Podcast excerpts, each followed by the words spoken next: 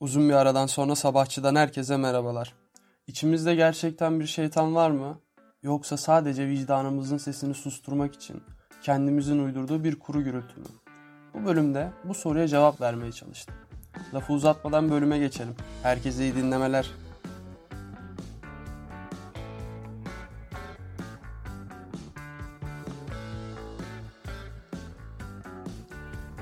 Evet tekrardan herkese merhabalar. Çok uzun bir süredir bir bölüm gelmiyordu. Bunun da en büyük nedeni benim eşekliğim. Keyfim yerinde değildi açıkçası. Keyfim yerinde olmadığı için de bir bölüm hazırlamak gelmedi içimden. Aklıma da gelmedi. Ama o süre içinde okumaya devam ediyordum. Hatta Instagram hesabını takip ediyorsanız bu bölüm normalde Huxley'in Cesur Yeni Dünyası üzerine olacaktı. Her şey hazırdı aslında. Gerekli notları da almıştım. Hatta kayıta da başlamıştım. Fakat şunu fark ettim. E, kayıt alamıyorum çünkü mikrofonum bozulmuş. Bu karantina döneminde, bu salgın döneminde de mikrofonumu tamir ettirecek herhangi bir yer olmadığı için yeni mikrofon sipariş etmek zorunda kaldım. Onun gelmesini beklerken içimizdeki şeytana başlamıştım. Cesur Yeni Dünya bitmişti. Mikrofon geldi. Baktım e, Cesur Yeni Dünya üzerine de bir bölüm çıkartamayacağım çünkü hevesim kalmamış ve isteğim de yok. Ben de dedim ki hazır içimizdeki şeytan yeni bitmiş ve içimizde bir şeytanın olup olmadığını sormak ve bununla ilgili konuşmak da iyi olur dedim. Ben de içimizdeki şeytan üzerine bir bölüm çıkaracağım. Bu bölüm Sabahattin Ali'nin içimizdeki şeytan kitabı ile ilgisi olduğu kadar bir o kadar da yok. Yani bu bölümde ben kitabın özetini vermeyeceğim. Açıkçası spoiler vermeyeceğim. Karakterleri üzerine de konuşmayacağım. Olay örgüsü de yok ama bu bölümde içimizde bir şeytan var mı? Sadece bunun üzerine gidecek. Ama kitapla da ilgili birkaç bilgi vermeden geçmeyeyim. Sabahattin Ali duymuşsunuzdur. Şuradan duymuşsunuzdur. Yani edebiyatla aranız yoksa bile zamanında bu Instagram storiesinde kahve, Yağmur ve Kürk Mantolu Madonna kitabını illa görmüşsünüzdür. Bu Kürk Mantolu Madonna kitabının yazarı da Sabahattin Ali. Zaten 3 tane romanı var. Birisi Kürk Mantolu Madonna. Çok popüler bir roman. Ee, diğeri Kuyucaklı Yusuf ve bizim de konuşacağımız aslında esinleneceğimiz kitap içimizdeki şeytan. Bu üç tane romanı var. Tabi hikayeleri var. Şiirleri de var ve şiirleri aslında çok besteleniyor ve birçoğunu da şarkı olarak biliyoruz. Benim bildiğim Göklerde Kartal gibiyim, Aldırma Gönül ve Leylimley bu üç e, Sabahattin Ali şiiri şu an bestelendi zaten mevcut. Birçoğunuz du- duymuşsunuzdur. Volkan Konak mesela Göklerde Kartal gibiyimi çok söyler. Leylimle'yi de birçok sanatçı söylüyor. Ayrıyetten Aldırma Gönül'de Edip Akbayram'dan duymuşsunuzdur.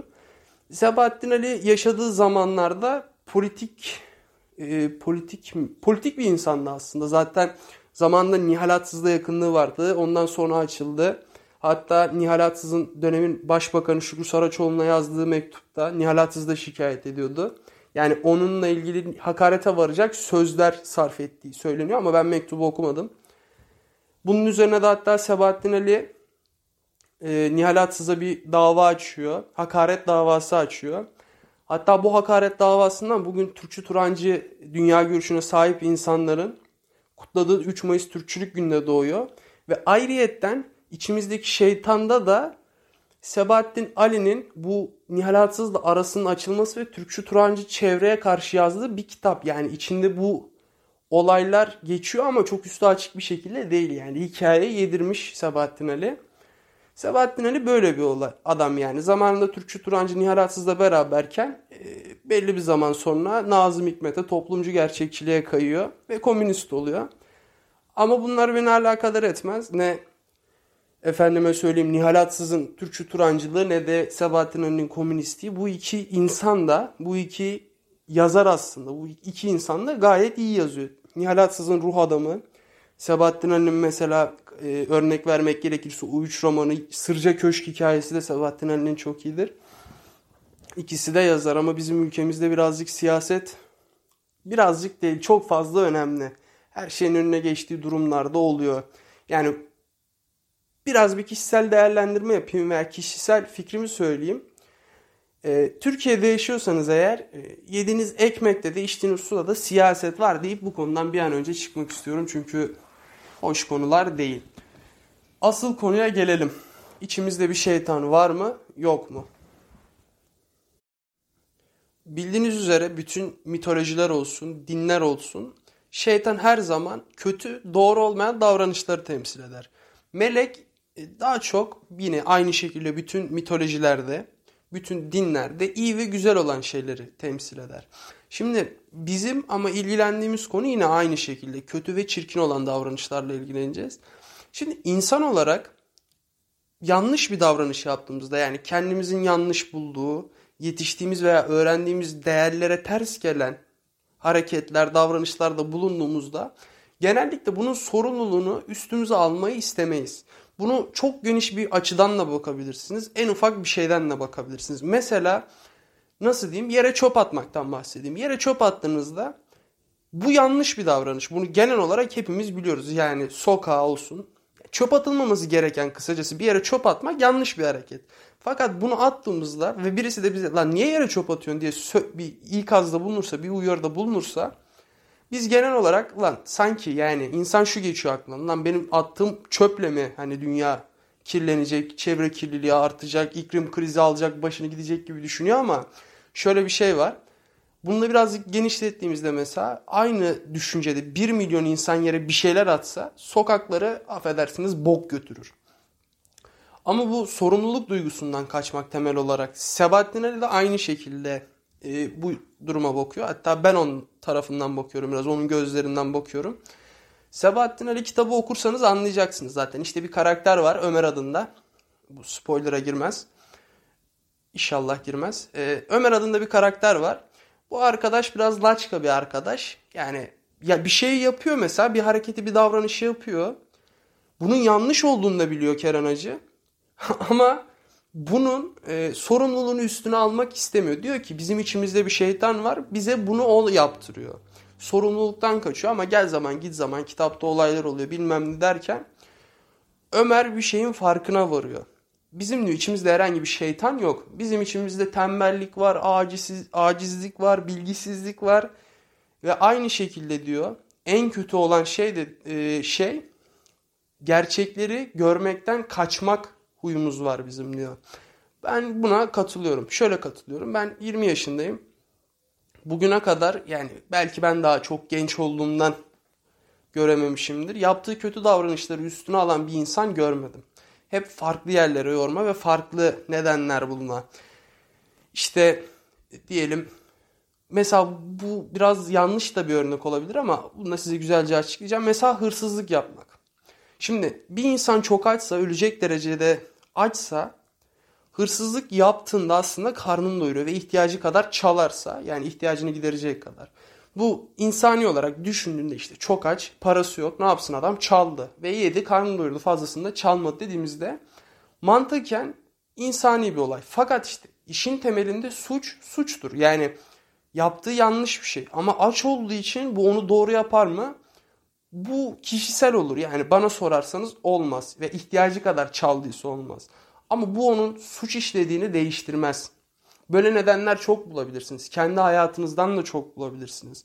Ben mesela hep bunu örneklendiriyorum ama ben hayatımda herhalde en büyük başarım kilo vermektir.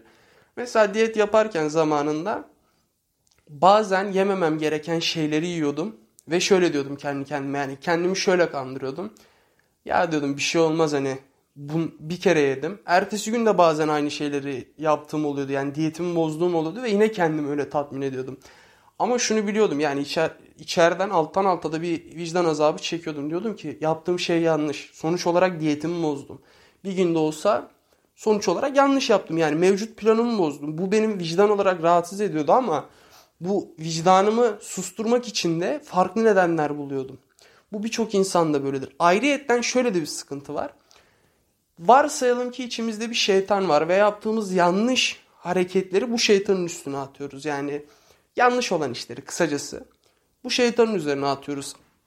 Ama içimizde bir melek olduğunu hiç düşünmüyoruz. Yani yaptığımız iyi davranışları da bir meleğe hiçbir zaman yüklemiyoruz. Yanlış davranışları şeytana yüklerken yaptığımız iyi davranışları diyoruz ki biz bunu kendi irademizle yaptık. Yani ben bunu kendim isteyerek yaptım. Beni hiçbir şey zorlamadı. Hiçbir melek yardımcı olmadı.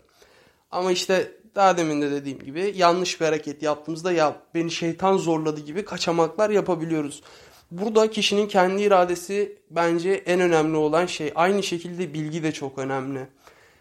Daha dediğim gibi ben daha genç bir insanım. Daha göreceğim, öğreneceğim ve duyacağım çok şey var. Hayatında nereye gideceğini bilemeyiz tabii ki de. Ama mesela bilgisizlik beni en çok zorlayan durumlardan biri. Mesela bu konuşmada podcast kaydederken de çok zorlanıyorum açıkçası. Niye zorlanıyorum? Tabii ki de durmadan okuyup dinleyip öğrenme gibi bir uğraşım var ama bu şu an için yetersiz. Belki ben bu işe iki sene sonra başlasaydım yani podcast kaydetmeye çok farklı kayıtlar ve çok farklı bölümler çıkarabilirdim. Çünkü bilgi birikimim daha farklı yerlerde olurdu. Yaşadığım ve dünyaya bakış açım çok farklı yerlerde olurdu. Ama ben buna iki sene yani 20 yaşında başladım. Şu anda bu bilgisizliğin e, nasıl diyeyim zararını görüyorum ama zararını görüyorum. Ama işte durmadan bu bilgisizliği gidermeye çalışıyorum.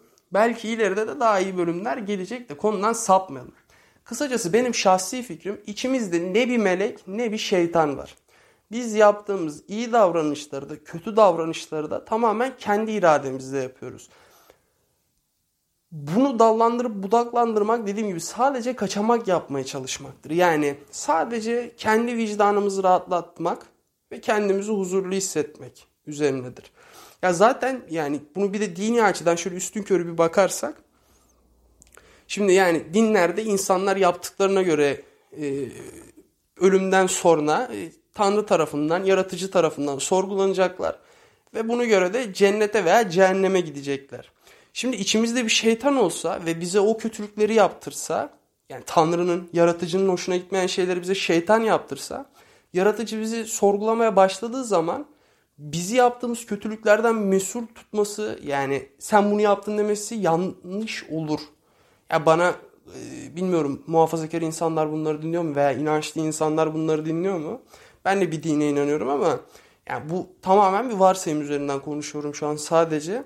Yani benim iradem dışında yaptığım bir suçu ben niye suçlu olayım?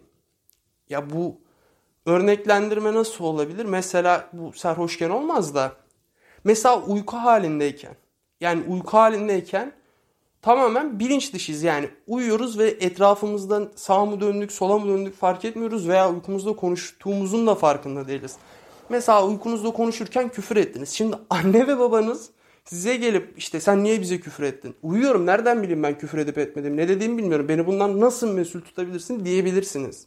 Bu da aynı şekilde yani irademiz dışında yaptığımız kötülükleri bize bir şeytan yaptırıyorsa yani yaptığımız kötülükleri şeytan yaptırıyorsa Tanrı'nın bizi, yaratıcının bizi bunlardan mesul tutması adaletsizlik olur. Hadi diyelim içimizde bize yaptığımız yanlış e, bizim yaptığımız yanlışları bize yaptıran bir şeytan var. O zaman içimizde bize iyi şeyleri yaptıran da bir melek varsa yaratıcı bize bizi neye göre cehenneme ve cennete gönderecek? Bu da içimizde bir şeytan olmadığının bence nedenlerinden biri. Tabi siz Belki çok farklı düşünüyor olabilirsiniz. Siz de içinizde bir şeytan olduğunu düşünüyor olabilirsiniz ve yaptığınız kötü ve yanlış davranışları ona dağıtabilirsiniz. Bu tamamen sizin şah, şahsi fikriniz. Ama birazcık düşünürseniz, birazcık kafa yorarsanız belki bakış açınız değişir. En azından e, benim fikirlerim böyle. Bunları size aktarmak istedim. Sebahattin Ali'nin kitabını da okuyun. Hatta 3 romanını da okuyun. Hatta hikayelerini de okuyun. Sırça Köşk de hikaye olarak çok güzeldir. Sebahattin Ali de çok güzel bir yazardır. Aynı şekilde Nihal Atsız'ın da kitapları çok güzeldir. Şiirleri çok güzeldir. Burada da ufak bir içimden geldi yani bunu da size söylemek isterim.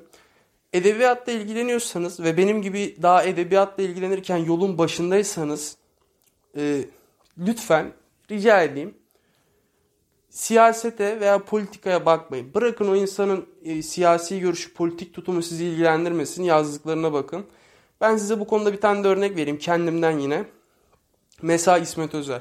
İsmet Özel de gençliğinde e, komünistmiş. Yani halkın dostları cephesi adında Atol Behramoğlu'nun da içinde olduğu bir dergi çıkartıyor ama gel zaman git zaman görüşleri değişiyor ve şu an işte gençliğindeki tutumundan apayrı bir yerde fakat şiirleri hala daha çok güzel. Ve ben şiirlerini okurken cidden zevk alıyorum. Ee, İsmet Özel'in görüşleri değişmesine rağmen beni alakadar etmez. Beni sadece yazdıkları ve çizdikleri alakadar eder. Okurum zevk alırım. Bazılarını beğenmem. Ama bu beğenip beğenmememde politik duruşuna e, bakılarak nitelendirmem yani. Beğenip beğenip beğenmediğimi politik duruşu beni ilgilendirmez. Siz de böyle yapın.